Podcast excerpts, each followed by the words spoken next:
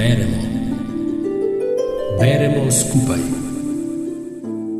Knjižničarke priporočajo. Dobro večer in dobrodošli na popotovanju skozi skrivno življenje pisateljev, ki ga je v svoji knjigi ujel v Franciji rojeni Guillaume Musso. Že kot otrok se je Musso zaljubil v knjige, se je veliko časa preživel v knjižnici, kjer je bila zaposlena njegova mama. Nekoč se je v šoli udeležil tekmovanja v pisanju kratkih zgodb in od takrat naprej ni prenehal pisati. Napisal je 20 romanov, v slovenščino imamo prevedenih 12. Njegov zadnji roman nosi naslov Skrivno življenje pisateljev. Nathan Falls je avtor treh vrhunskih romanov. Bravci ga obožujejo in vsi nestrpno pričakujejo njegovo naslednjo mojstrovino.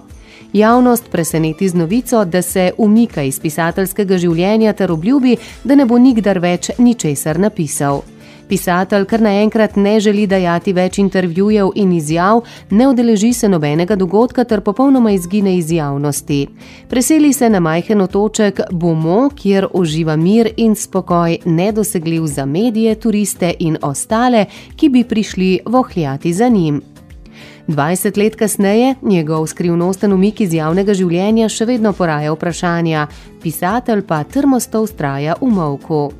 Rafael Bataj je mladi pisatelj in velik navdušenec nad Nathanom Folsom. Ko se mu ponudi priložnost za delo v knjigarni na otoku, jo z veseljem zgrabi.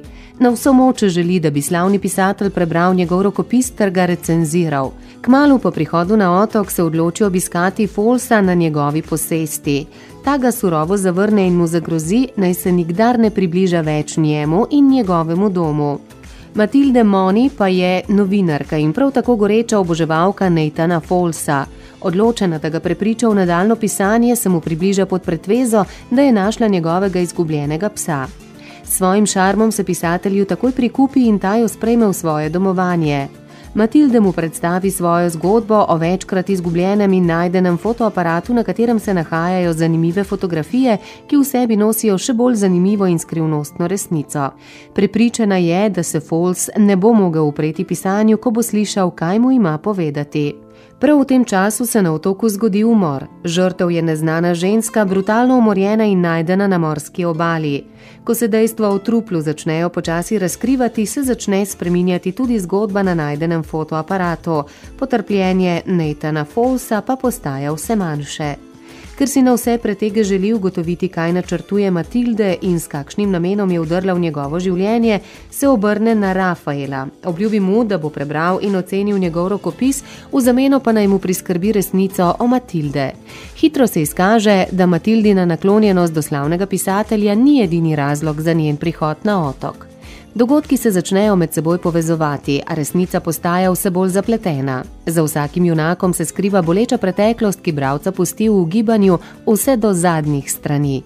Kaj je resničen razlog, da so posamezniki prišli na otok, kaj naklepajo in kaj skriva vsak izmed njih? Povabljeni, da ob branju tega izjemno zanimivega in napetega romana odkrijete sami, pravi Eva Šturm iz Škofiloške knjižnice Ivana Tavčarja, ki vam želi prijetno branje in lep večer. Rubrika Beremo skupaj nastaja v sodelovanju z Radijem Sora.